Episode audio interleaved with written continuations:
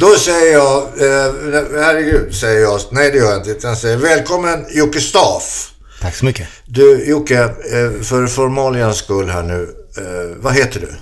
Fullt namn är Kent Joakim Staff. Kent Joakim Staff. Ja.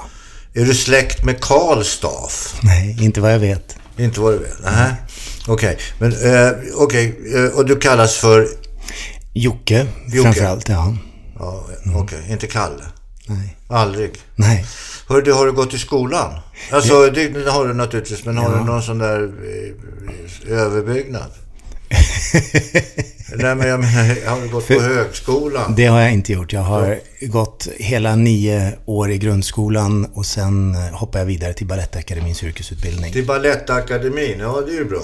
Och nu, nu är du, ditt yrke idag är... Idag är det eh, producent, koreograf och tränare. Och det finns ett namn egentligen som jag tycker om att använda som jag hörde på ett TED-talk. Och det är multipotentialite. Multipotentializer. Eller potentialite. Uh-huh. Ja, Ja, jag det var finns ska det avancerat. vara, på amerikanska ska det vara. Ja. ja, jag försöker leta efter en svensk översättning men jag vet inte, jag kanske inte hittar någon bra. Du, hur gammal är du? 50. När slutade du att kalla dig för dansare? Jag har väl aldrig riktigt slutat kalla mig för dansare. Det är väl mera kroppen som har slutat vara dansare kanske. Ja, för du borde ju vara pensionär egentligen. Ja. Om man ska se till eh, dansares ganska låga pensionsålder med andra Ja, jämfört med jo andra. det stämmer. Tyvärr så är det svårt för frilansande dansare som inte är fast anställda vid någon statlig institution att Jo, gå i jo, pension. men om vi kallar... Alltså jag hörde, jag vet ju inte om det stämmer, men jag hörde att om du är anställd till exempel på, på Kungliga Operan Mm. och sådär, eller på motsvarande, så är pensionsåldern 42 år. Kan så vara, ja. Det är ju det är ju fantastiskt. Vad ska man göra sen? Ja, sen kan man väl börja leva livet då. Du, eh, vi- vi har, ju- jag har ju haft förmånen att jobba ihop med dig. Ja. Eh, För många år sedan så var vi med eh, tillsammans i en föreställning eh, som hette Sound of Music. Precis. Ja, och det var så vi träffades. Det var så vi lärde känna varandra.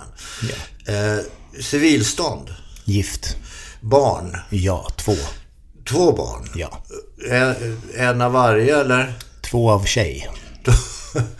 Två av tjej. Du vet hur eh, steppdansen uppfanns va? Berätta. Jo, det var, det var en, en pappa med två tonårsdöttrar.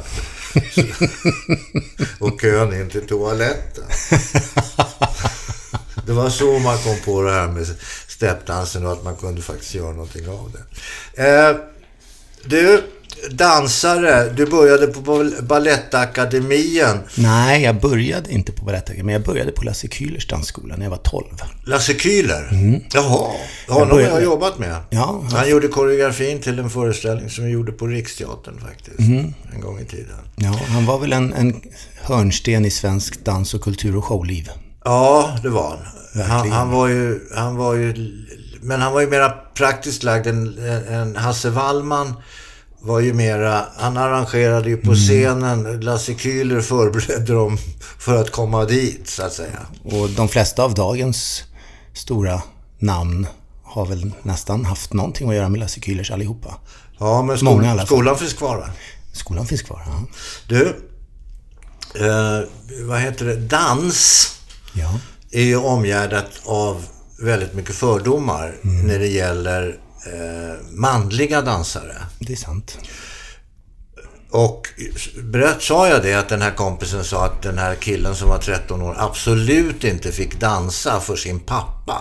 Eftersom det bara var bögar som dansar. Och det här sägs alltså 2018. Det är ju fan inte klokt. Det, det visar lite på vad den verkliga samhällsnivån ligger kontra det som skrivs i tidningar. Ja, faktiskt. Du, eh, har, har, du, har du blivit kallad för bög? Ja, ja fakt, många gånger. Ehm, ja, Jo, på grund av vad jag menar nu i relation till dans. Jo, jo, nej men absolut. Eh, och det är roligt att du nämner det för att det, för många år sedan när, när eh, det kom en journalist och skulle intervjua mig på Moulin Rouge i Paris. Så eh, då blev titeln Det är inte bara fjoller som dansar. på, det, på den artikeln, på den intervjun. Jag tror det var Aftonbladet eller jag kommer inte ihåg. Det var någon tidning, någon dagstidning. Så att, var, var det roligt, roligt att få läsa den art- eh, artikeln kanske, Ja. men den överskriften?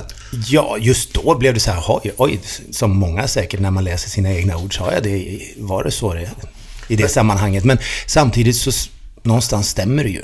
Det, är- det är inte bara fjoller som dansar.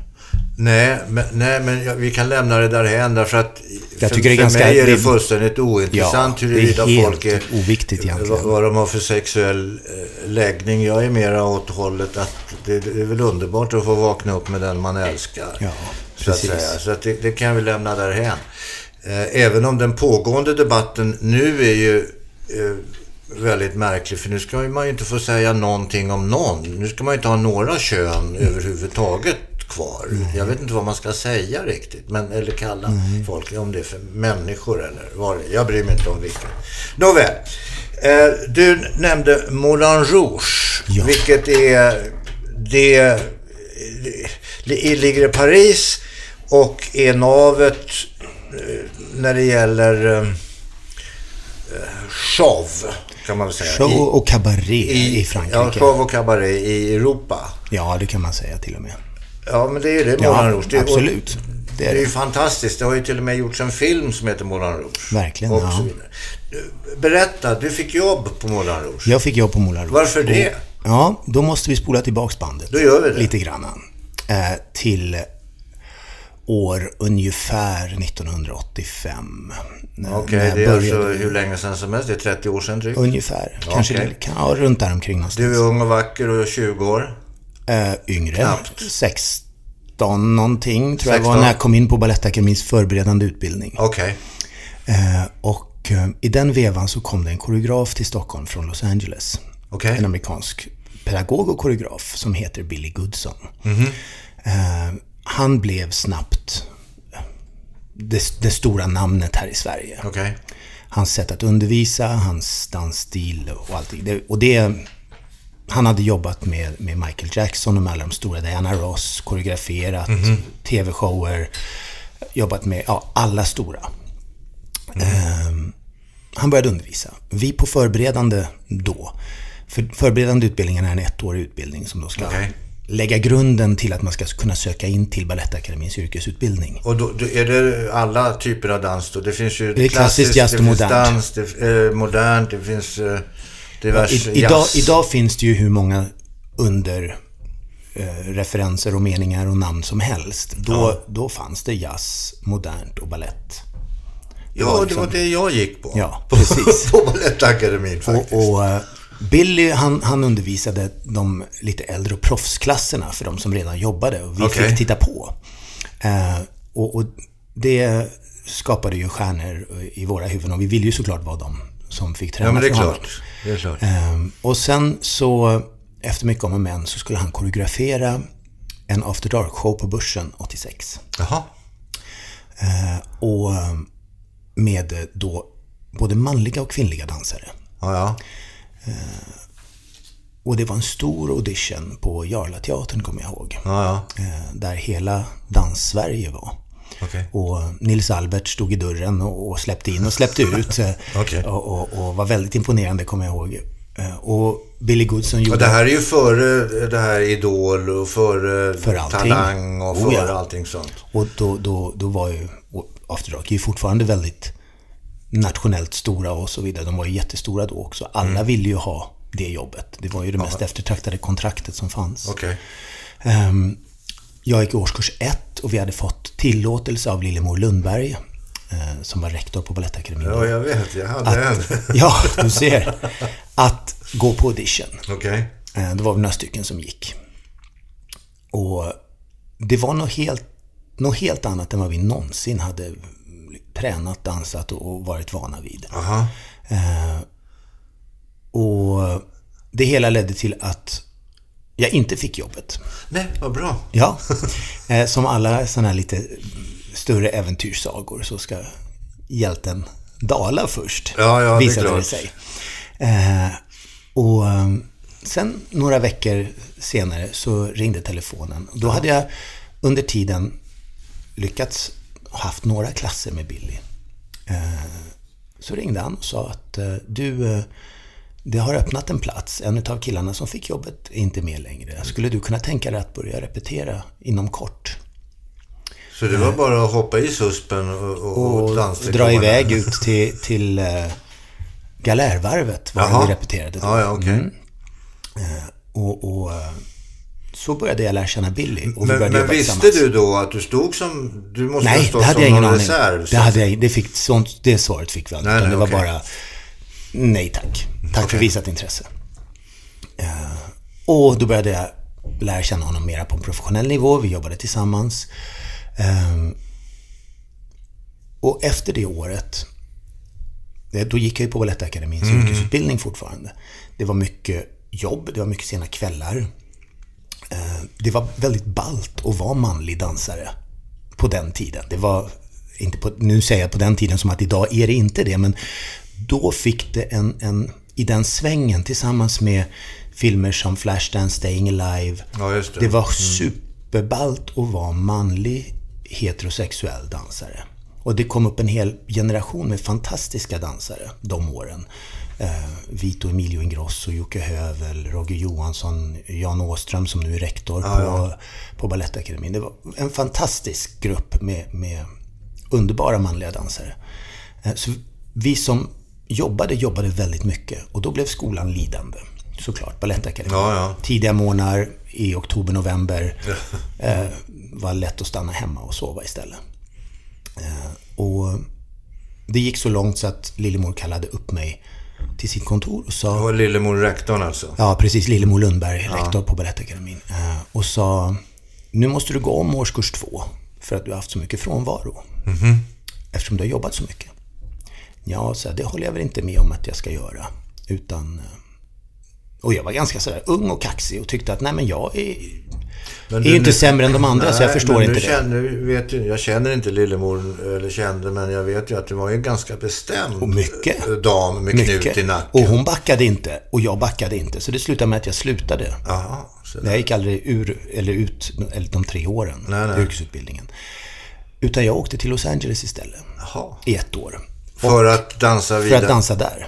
Okej. Så efter det här kontraktet på börsen med After Dark så drog min kosa till Los Angeles. Då hade jag pratat med Billy som sa att visst, du kan få sova på min soffa ett tag tills du hittar en lägenhet. Och, Jo, jag tackar ja. och, och, eh, så jag åkte dit ja. med min resväska, pick och pack. Eh, 18-19 någonting år. Det är då Mm. man ska iväg. Jaha. Du, får jag fråga, nu gör vi ett litet stopp här. Gör det. Vad sa far och mor? Far och mor var väldigt positiva till allt det Ja, men det är ju bra. här. Och stöttande. Okej. eh, Som 17. Eh, Vilket jag förstår nu, när jag är pappa, inte är så lätt att låta sina vuxna barn dra iväg.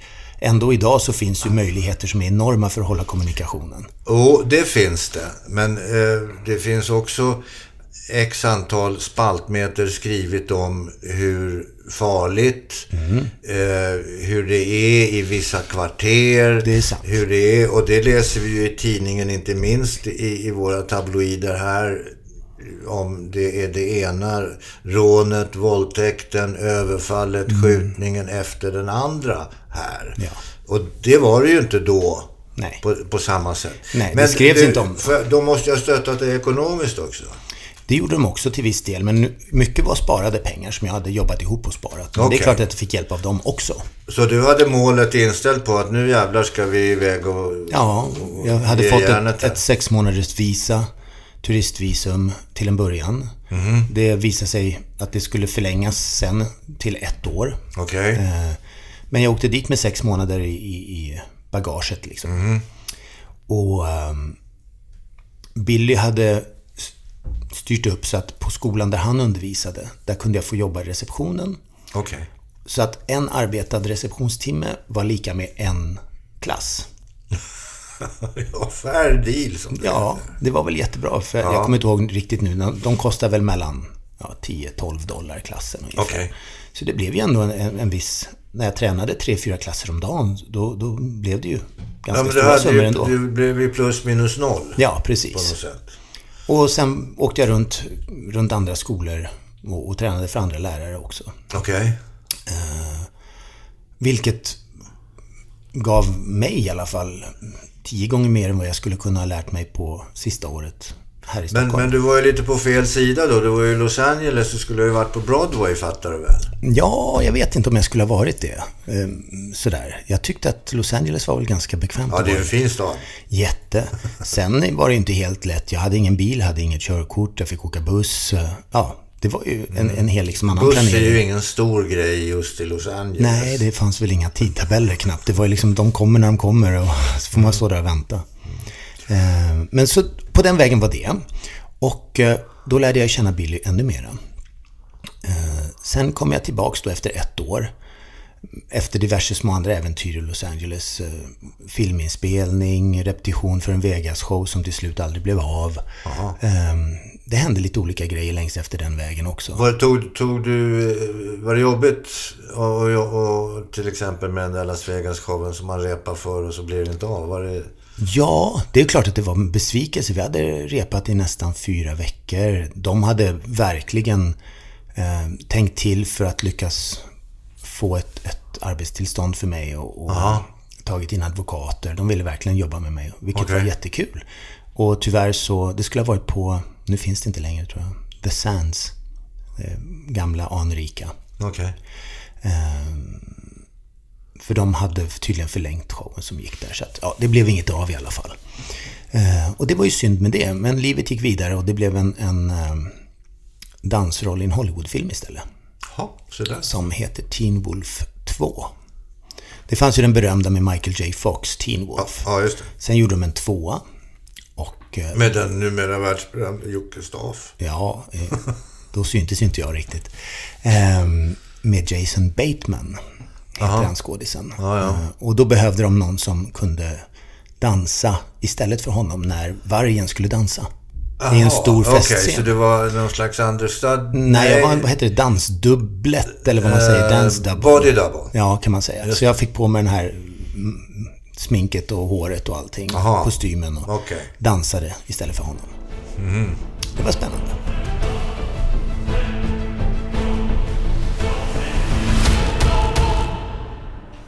Sen kom du hem. Sen kom jag hem och då var jag hemma ett tag tills eh, och, och gjorde småjobb. Jobbade lite på musikal på Intiman med, eh, vad heter den, Sara the Musical med Eva-Britt Strandberg. Just det. Och, eh, sen så ringde telefonen en morgon och då ringde Billy från Paris. Billy Goodson alltså, Ja, det är koreografen. din kompis från Ja. Los Angeles, ja. Precis. Då, han hade ju fortsatt jobba som koreograf med olika TV-shower och så vidare. Bland annat i Italien. Då hade han kommit i kontakt med Moulin Rouge via den här TV-showen. Aha. Och de hade frågat om han ville koreografera deras 100-årsjubileumsshow 1988. Eh, och det ville han.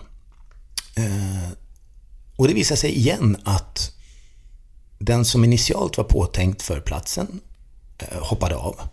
Så han ringde mig och sa, kan du komma till Paris imorgon? Jag skulle behöva en manlig solistdansare. Jaha. Ja, sa jag. Det var inte så svårt att tacka ja till det, va? Nej, det var det inte. Eh, Så att jag packade min väska igen och eh, inom 24 timmar så satt jag på planet till Paris. Okej. Eh, Utan några kunskaper i franska, visste egentligen inte vad Moulin Rouge var förutom ja, att det var ett ballt ställe med show i Paris. Ja, så har de en, en väderkvarn. Ja, precis. Eh, eh, en röd taket. Mm. väderkvarn, ja precis. Det var väl ungefär det jag visste. Ehm, Och kom dit, 20 år, eh, relativt omedveten om vad som skulle hända. Mm. Ehm, Och hade ju ingen aning om att det betydde två shower per kväll sex dagar i veckan. Det, det var väl den största fysiska chocken. Ja, men du var 20 år. Ja, det var jag. Men, men eh, att, att ha... Att dansa... Ja, nu vet inte jag riktigt vad förstedansare eller solistdansare på Moulin Rouge innebär egentligen, men det måste ju vara ett jävla slit. Det är det verkligen. Det, det finns ju inte riktigt plats för en, en lägsta nivå. Den lägsta nivån måste vara väldigt hög. För att du måste ju leverera. Hela, det står ju så många på plats bakom och väntar på kö. På att bara hoppa in och ta din plats. Men du, hur var det då? Du, du, du, du kommer från ingenstans. Ingen vet ju vem du är, annat än koreografen förmodar jag. Nej, så var det. Jaha, då kommer han här, den här svenska killen som inte ens går att prata med. Dialog och, och löpande språk skedde ju på engelska till en början. Ja, just det. Mellan ledning och, och dansare och, och allt. Men du, hur var det då att komma in där i omklädningsrummet? Och, Jaha, hej grabbar. Men det var inga problem alls. Det var såklart, det blev lite sådär gliringar hit och dit och någon hand i rumpan och så här lite flört från killar som inte fattade direkt att det var inte intressant. Men de själva höll på. Ja, det, det var vissa gånger när, när det var intressanta scener som utspelas i duschen. Så man skulle inte tappa tvålen i duschen alltså. Det var väl mer, ja, eller så ville man det, jag vet inte. Okej. Du, har du tjänat pengar på den här under den här, de här åren? Ja, jag var faktiskt, det, att, att vara solist då, och sen blev jag ju då förstdansare, det var snäppet över igen. Då blev jag manlig huvudroll i, i showen. Och, men, men två shower om dagen, eller per kväll, sex kvällar i veckan, då, då har man ju inte tid att göra av med pengar en gång. Jo, det finns ju nattliv. Va? Nattliv. Jag menar, vi slutar vid två, halv tre. Sen finns ju hela liksom Paris stad, är ju vaken fram till ingen tid alls. Ända tills du börjar om Ja, på nytt på igen. nytt, ja. Okej. Jaha, men du, eh, hur många föreställningar gjorde du? Kommer du ihåg det? Allt som allt så är det väl runt en 8000 föreställningar på Moulin Rouge. Plus minus kanske ett par hundra, men det ligger runt en 8000. Det är ju ändå rätt mycket alltså. Det är en Hur har kroppen Mm, jäkla tagit massa. det där då?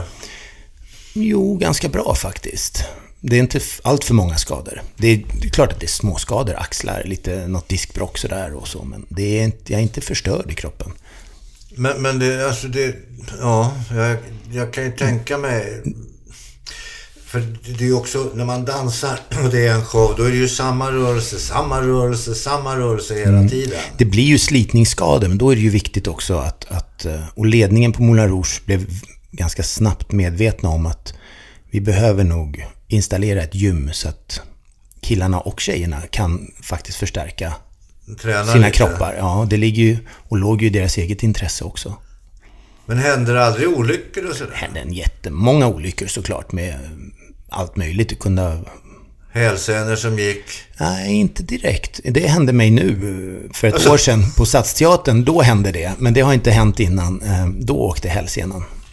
Eh, Men innan dess så har den hållit sig. Men det var ju allt det kunde ha varit allt som möjligt. Det var knästukningar, knän som rök, ledband som rök, axlar som drogs ur led. Ja, det kunde ha varit- det, alla möjliga sorters skador. Ja, men du, du, Muskelbristningar. Du, sen har, ja, du får de här men in, olyckorna. inte då kanske nödvändigtvis hos mig, men hos andra. Jo, jo, men i, i en föreställning så är det ju x antal dansare. Det, det är ju en koreografi, det är ett pussel som Ja. läggs. Alla, när du vänder om så ska hon komma och så ska du slänga upp henne i luften och så ska nästa springa iväg. Helt plötsligt så är det då någon som har brutit knät eller stukat knät som inte kommer. Som inte kan. Då får man vara lite snabb och, och snabbtänkt. Och tar emot trots att det var någon annan. Eller inte gå in på scenen om man vet att där kommer jag stå ensam och se ut som ett fån. Ja, ja. Men du, ni hade ju djur och vatten och... Det Fanns en, eller det finns fortfarande en jättestor pool. Eh, nu kommer jag inte ihåg hur många tusen ton vatten det är där i, men den är enorm. Eh, och hästar, krokodiler, ormar, små ponnys. Jag tror de har haft allt. Hundar. Ehm, en intressant anekdot, det, det var innan jag kom dit, men då i den här stora poolen så hade de två stycken delfiner. Jaha. Eh, och, och det var, attraktionen var när delfinerna, för den här poolen, mittenpartiet av huvudscenen åker bakåt.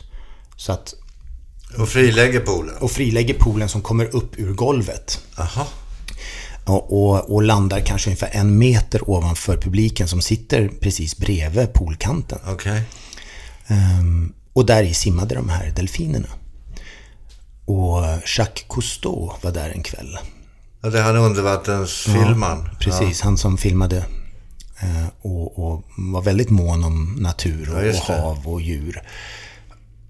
Och f- han skrek skandal när han såg de här två delfinerna i poolen för att de kunde ju inte ta sig därifrån. De var tvungna att bo i den lilla och leva i den lilla poolen. Ja, det kan man ju ha synpunkter på faktiskt. Ja. Ehm, och, och blev tydligen sjukare och sjukare med tiden också.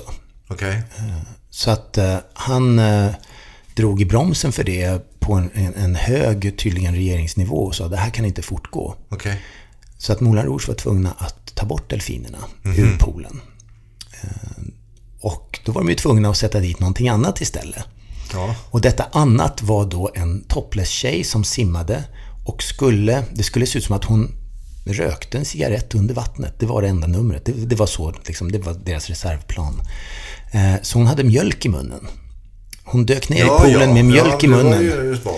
Och eh, någon slags cigarettliknande föremål som hon sen simmade runt och rökte där i vattnet som en liten sjöjungfru. Det var Fiffigt. Ja, allt var i Jacques Cousteau.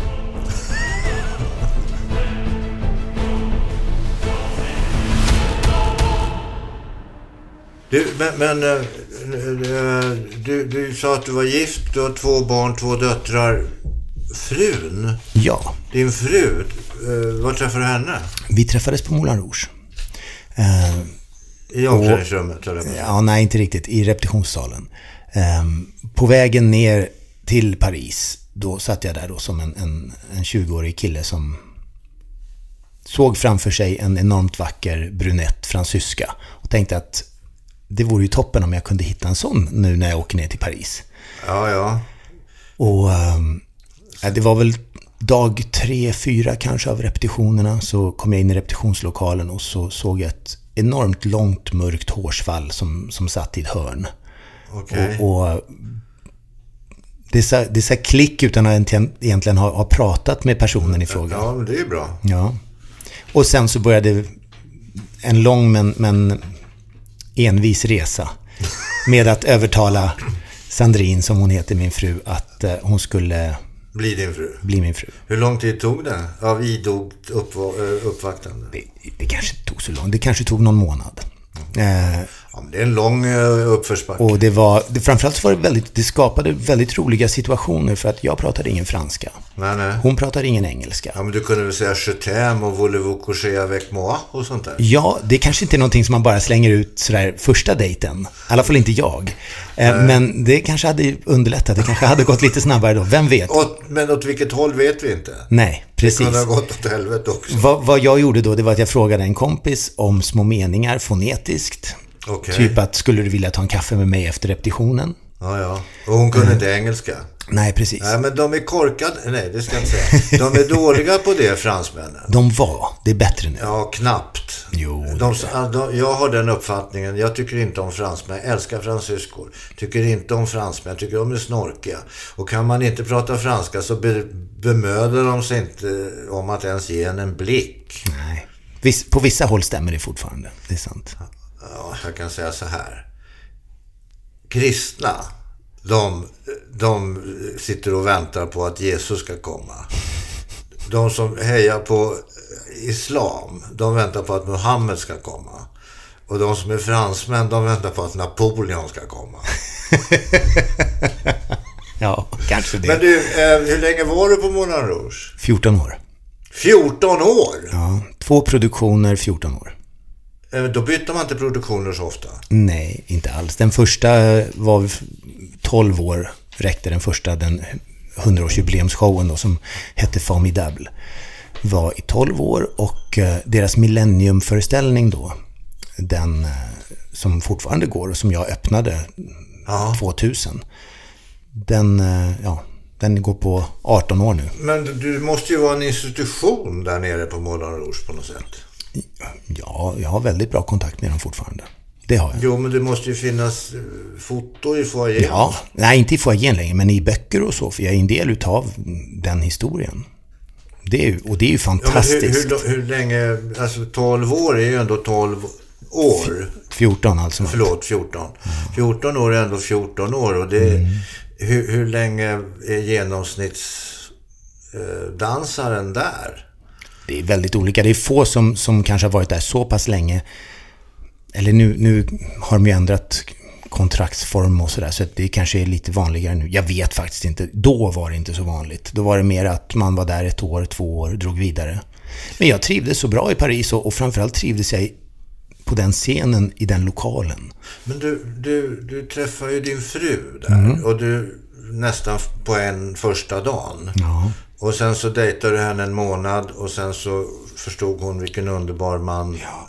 du Så vi är. flyttade ganska snart och, ihop och hitta lägenhet och så. Och hitta lägenhet och gifte er, eller? 96. 96, det är ungefär 10 år. Ja. Mm. Och sen så fick ni barn. Mm. Och nu bor ni i Sverige. Mm.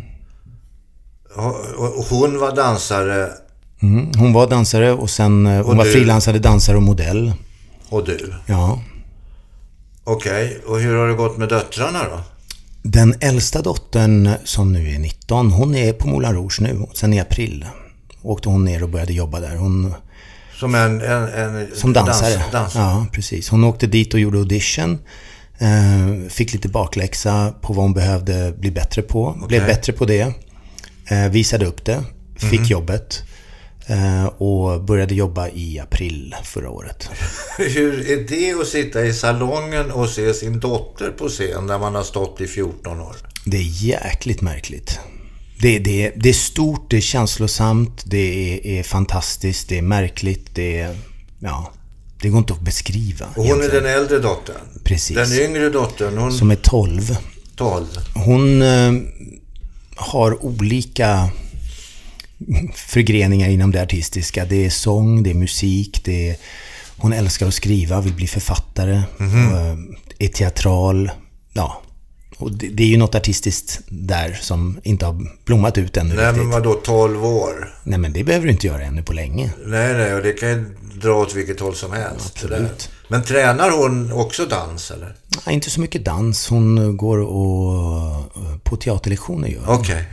du, du nämnde den här kroto- krokodilerna. Ja. Va, vad hände med dem? Fick de vara kvar? De fick vara kvar för att de åkte ju fram och tillbaks varje kväll. De hade ett, ett eget hus där de bodde utanför Paris. Jaha, ett vad eget zoo. flott. Ja. Så att de blev forslade fram och tillbaks varje kväll. Jaha, okej. Eh. Vad hade du för kontakt med dem? Ingen som helst. Eh, Det som hände en gång var att den här poolen då som åkte upp och ner på hydraulik Ja, stannade halvvägs upp en kväll. okej. Och hydrauliken bestämde sig för att strejka. Pajade. Poolen åkte rakt ner i källaren igen. Gick sönder med krokodiler i. Eh, alla de här tusentals ton vatten ner i källaren där elskåp och allting var. Aha. Krokodilerna låg där och sprattla. Publiken tittade ner bara i ett stort hål med plexiglassplitter och kravlande krokodiler. Ehm, vilket kanske fortgick i 10 minuter max innan den här scenen då som hade åkt bak Just det. åkte fram igen. The Tänkte show över det. must go on. Och showen fortsatte. Medans det var total panik överallt.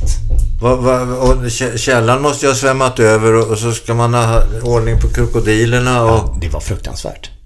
Det var total panik. Men nej, musiken gick på och så... Nu kör vi kankan. Du, jag hörde när det gällde kankang förresten att det blev så populärt och att det var, blev så förbjudet då i slutet av 18, eh, 1800-talet att kvinnorna hade ju inte byxor, underbyxor på det sättet som de har idag. Utan det var ju hosor som man hade och det var ju med, det var ju bara ben. Ja, Det var ju öppet mellan benen. Så det är klart att det blir poppis. såklart. Och du, man ser ju på kankangen när man, när man ser hur... eh, De dansar ju fortfarande traditionell kankang och sprätter med benen och lyfter kjolen och visar arslet och allt vad det är. Det måste ju ha varit något allt extra det när det var utan byxor. Ja, det kan jag tänka mig. Det är ju roligt också att alla, de, många utav rörelserna och positionerna i kankan kommer från en militärisk bakgrund. Till exempel när de slänger upp benet på axeln och, och håller benet rakt upp med Ja, just det. Och hoppa på ett ben. längs med. Ja, det kallas för pas d'arme, vilket betyder att ja, skuldra gevär ungefär. Jaha. Och, och ett antal andra formationer och namn som också har militärisk bakgrund. Vilket när man tänker på det också, alla raka linjer, alla formeringar, alla, allting sånt, placeringar på ett traditionellt kankangnummer blir väldigt militäriskt. Ja, det är en drill alltså. Ja, Ja. Intressant. Ja, en, en, en liten historielektion. faktiskt. Eh, eh, hur- du, Mor- filmen då, Moulin Rouge? Ja. Vad tyckte du om den? Den tyckte jag var fantastisk. Vi hade turen att få en förhandsvisning Okej. innan den hade haft premiär i Paris. så fick vi på Moulin Rouge en förhandsvisning på Moulin Rouge. När de satte upp en filmduk på scenen, bjöd in oss och fick vi sitta där och se på filmen. Och det var magiskt. Det, även om filmen i sig inte visar hur Moulin Rouge är idag så beskriver den en, en, tyckte jag i alla fall, en energi som var väldigt igenkännande. Men du, du, Nicole Kidman spelade eh, huvudroll i den filmen. va? Och du träffade henne förstår jag. Nej, Du gjorde aldrig det? nej, de var aldrig där. Den filmen är helt inspelad i studio i Australien. De kom, dit, de kom väl dit och var där en, max två gånger för att, att göra lite research och, och Kolla sådär. lite grejer. Ja, sen hände ingenting mer där. Nej, nej, ja, ja, men det är så det går till. Det är ju studio. Det är ju naturligtvis... Ja, jag trodde du hade telefonnumret till Nicole Kidman och att ni satt och pratade. Du, du, eh, det här med, med, med frun då. eh, Det var ju underbart naturligtvis. Men franska språket, hur lång tid tog det att... Det tog ungefär ett år innan jag började kunna prata ordentligt och komma över den här spärren att vara rädd för att göra bort sig eller säga dumheter eller säga fel saker. Innan dess och efter kanske 6-7 månader så förstod jag ju vad människor omkring mig sa. Ja, ja. Men, eh, men, men eh, franska fick du lära dig. Din fru då, som- som nu bor i Sverige Mm. och dina döttrar och så vidare. Ja, döttrarna de är ju helt tvåspråkiga, Mm, tre, f- fyrspråkiga. t- Ja, nästan de till viss pratar del. svenska, franska, engelska. Och lite spanska. Lite spanska också, för säkerhets skull. Ja, man vet aldrig. Men, Eh, och, och eh, min fru pratar ju svenska nu och förstår svenska. Och, ja. så det är inga problem alls på något sätt. Nu väljer vi språk lite som vad Men det, vad pratar ni hemma då? det är franska mest. Vad underbart. Fan vad... Mm. Ja, till och med jag- när man liksom verkligen vill eh, vara elak och säga någonting dumt till någon så låter det fint. Ja, du... Vilket är ganska alltså, Jag skönt. skulle vilja komma hem till dig och bara sitta och höra när ni pratar med varandra. Sådär bara...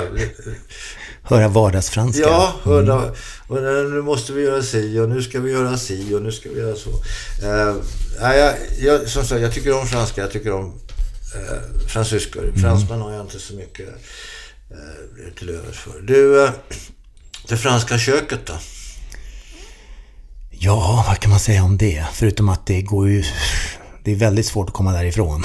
Det är, det är en kärlekshistoria och det, det är någonting jag saknar. V- vem är det som, som lagar mat hemma hos dig? Eller hemma hos Det är er? ganska blandat. Jag lagar ganska mycket mat. Men lagar min du fru gör då det också. svensk husmanskost eller Ja, det kan vara väldigt olika. Det beror- försöker du lägga det på en spegel utav någon konstig sås? Och... En spegel Stor av tall- kärlek omhuldad med fina grönsaker. Det är så. Men du, du, du, du tränar ju Ja. nu eh, och, och har andra människor i träning. Ja. Hur mån är du om din egen... eh, Jag försöker vara så mån som det bara går. Det är, det är ju mitt arbetsverktyg fortfarande har varit sen jag var 16? Ja, Eller 17 i alla precis. fall. In, lite innan dess till och med. Ehm, jag tror jag fick mitt första betalda gig, proffsjobb. Det var på Göta Lejon, Emil i Lönneberga. Det måste ha varit runt 83 någon gång tror jag. Ehm, som eh, koarsle och hästhuvud. så, så sen dess kom jag en bit i alla fall.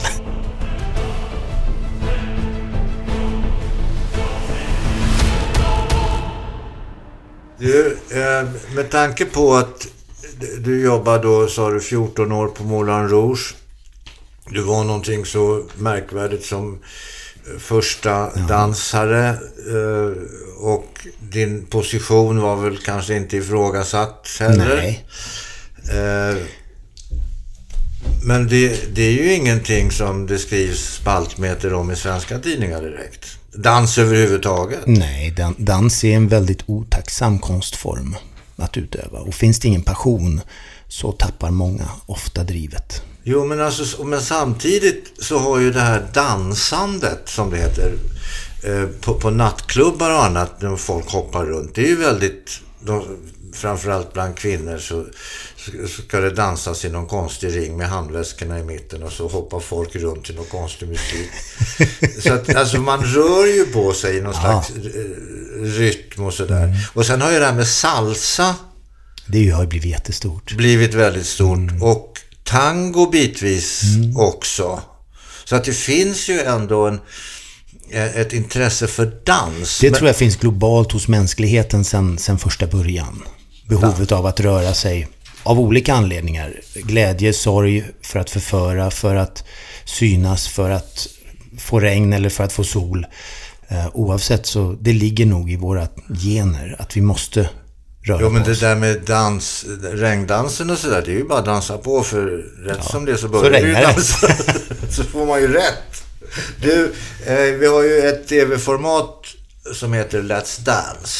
Mm, precis. Tävlingsdans. Tävlingsdans, och det, Mm. det, men det har du inte sysslat med, eller? Inte, inte på tävlingsnivå alls. Nu vad gäller typ vals, bugg eh, och sådana saker. Lite salsa, cha-cha och sånt. Har Men du ju, skulle har ju kunna dansat, någon- men mera inom show. Jo, men om det scen. var så att, att det, det bjöd upp, bjöds upp till dans i någon st- foxtrot sådär, så skulle du inte ha några problem med det, menar jag. Nej, det går ju att dansa. Eh, franska köket alltså, det blev en lång, lång kärlek. Ja, det blev det. Och min frus morfar var själv kock och... Eh, vad ska man... Vad är det nu? Kommer jag inte på vad det heter på svenska. Charcutier. Han jobbade med att göra... Heter det kallskänka? Ja, kanske det gör. Eh, när man gör sylter och l- allt möjligt från vet diverse inte. olika... Nej, Ja, ja, i, vil- I skitsamma. vilket fall, han jobbade som kock och slaktare och... och och även eh, som eh, eh, ja, levererade mat till bröllop och sådär. Ja, över det heter... eh, ja, eh, catering kallas det för va? Ja, också, jag ett fick sven, så- också ett svenskt ord. Va? Också ett svenskt ord, så här, catering. Ja, Ja. ja, exakt. Du var ju med i... Vad gjorde du i Gladiatorerna då? Där är jag... eh, Alltså nu pratar jag om TV. Ja, tv-programmet format. Gladiatorerna. Där jobbar jag sedan sju år som deras koreograf, s- regicoach, Jaha. skapar deras entréer. ehm, Ja, för det Jag- är jag mycket, gör så att det mycket blir lite annat show. koreografiskt. Det är det ju inte. Sen ba- bankar Nej. de ju bara Ja, på de här precis. stackars deltagarna. men det ska ju bli show runt omkring också. Ja, det ska det ju. Och det är ju live framför 2000 pers. Ja, det är det ju. Och sen så sitter ju vi här och glor sen. Precis. En, en halv miljon eller en miljon, vad det nu kan vara. Exakt. Du, nu ska inte jag föregripa någonting här, men de här killarna här och även tjejerna, de där musklerna får du inte bara genom att lyfta skrot. Säger jag. Det får du säga. Det får jag säga, ja. Utan det kan man ta ett och annat piller om man vill. Ja, vi behöver inte gå in på det, jag bara säger det att det kan vara så faktiskt. Och då menar jag inte magnecyl. Du, är det någonting inom, inom showbiz som du eh, inte har ägnat dig åt? Nej, just nu tror jag faktiskt när jag tänker tillbaka att det är nog, jag har nog testat på det mesta faktiskt. Hur är det att sjunga då? Det är fantastiskt. Jag hade ett eh, rockband i Paris i några år. Men vad hann du med det då? Ja, det finns ju en hel dag, dagtid också. ja, när, när, när det inte fanns så mycket annat att göra. Nej, nej. Eh, ja, så var du att, ju eh, ledig en dag i veckan också. Ja, bara det. Men du, ja, det var det jag skulle säga. att, eh, Du och din fru, jobbade ni parallellt då mest hela tiden? Vi jobbade tillsammans under eh, ett år och sen så eh, jobbade hon på en annan cabaret i Paris som Okej. heter Par du Latin. Jaha. Och jag jobbade på Moulin Rouge. Så att då väntade hon på mig när hon hade slutat och så åkte vi hem Men tillsammans. va- var det bra eller dåligt tycker du? Ja, det var bra. Ja, Jag menar att, att ni inte behövde jobba ihop hela tiden också. Det där beror ju jättemycket på par och människor. Jag tror att det, det var bra för oss att inte kanske leva och uppleva samma saker tillsammans varje dag, varje dag, varje dag. Då hade vi ju å andra sidan någonting att prata om när vi träffades. ja. Du, jag tänkte på det där som vi pratade om nyss, det här med att dansen inte får något fokus egentligen. Eh, och- för man ser ju på till exempel om man tar, ja då, då vinner eh, Björn Borg, ja då ska alla spela tennis. Och vinner Stenmark, då ska alla eh, åka skidor. Och så, vinner, så är Zlatan, då ska alla spela fotboll. Men hade vi haft ett föredöme och följt upp eh, och kollat lite vad Jocke Staaf gjorde. Då hade vi ju kanske fått lite mera...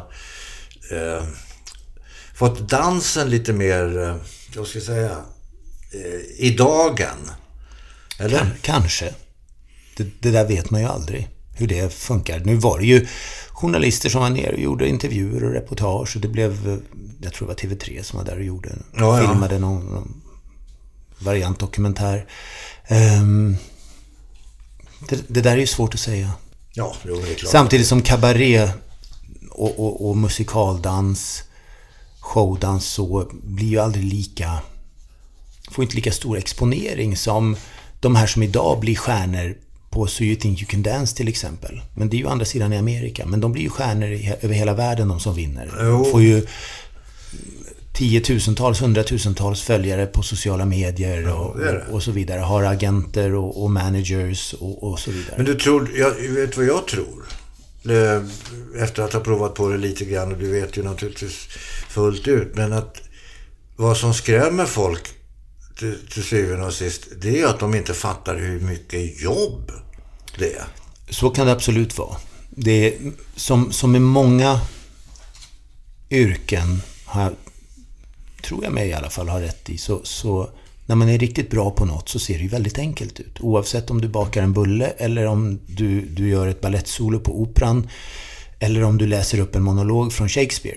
Har du gjort din läxa och vet vad du gör, då ser det ut som och det låter som att det är helt naturligt. Ja, men det är det som är konsten. Precis, är det exakt. som är konstigt. Mm. Och så ska det ju vara. De som vill ge sig in i, i det måste ju veta vad det innebär Alltså, att, den, att som lägga ger ner sig, timmarna. den som ger sig in i leken får leken tåla, som det är. Så absolut håller jag med om, kan man säga. Du, Jocke Staff. Gert Fylking. Ja, tack. Eh, Fantastiskt roligt att ha, ha haft dig här. Eh, Nu sitter vi här hemma hos mig och då tänkte jag, det- är det någonting som du undrar över när det gäller mig? Om du bara har sådär... Jag är lite nyfiken också på, på, på din ungdom på diverse marknader och, och, och, och så. Jocke? Eh, jo, Får det jag- bli en annan, en annan Nej, podcast? men visst. Eh, det har ju varit, jag vet, jag förstår att du tänker på eh, till exempel Kiviks marknad, du tänker på teateruppsättningar och vi har ju som sagt jobbat ihop på musikal på Göta Lejon och sådär. Eh, kan vi ta det vid ett annat tillfälle? Det kan vi absolut göra. Och, och eh, vi tar det över en pilsner. Jocke, Gert, tack så hemskt mycket. Skakar vi hand. tack ska du ha. Och, och eh, fantastiskt kul alltså. Vad roligt. Ja, Det var jag- jättekul att få komma hit. Alltså mitt, ja, det är kul att höra, men, men, men, men eh, Nej, men på riktigt. jo, absolut. Och jag beundrar alla som orkar driva sin dröm i mål, faktiskt. Tack.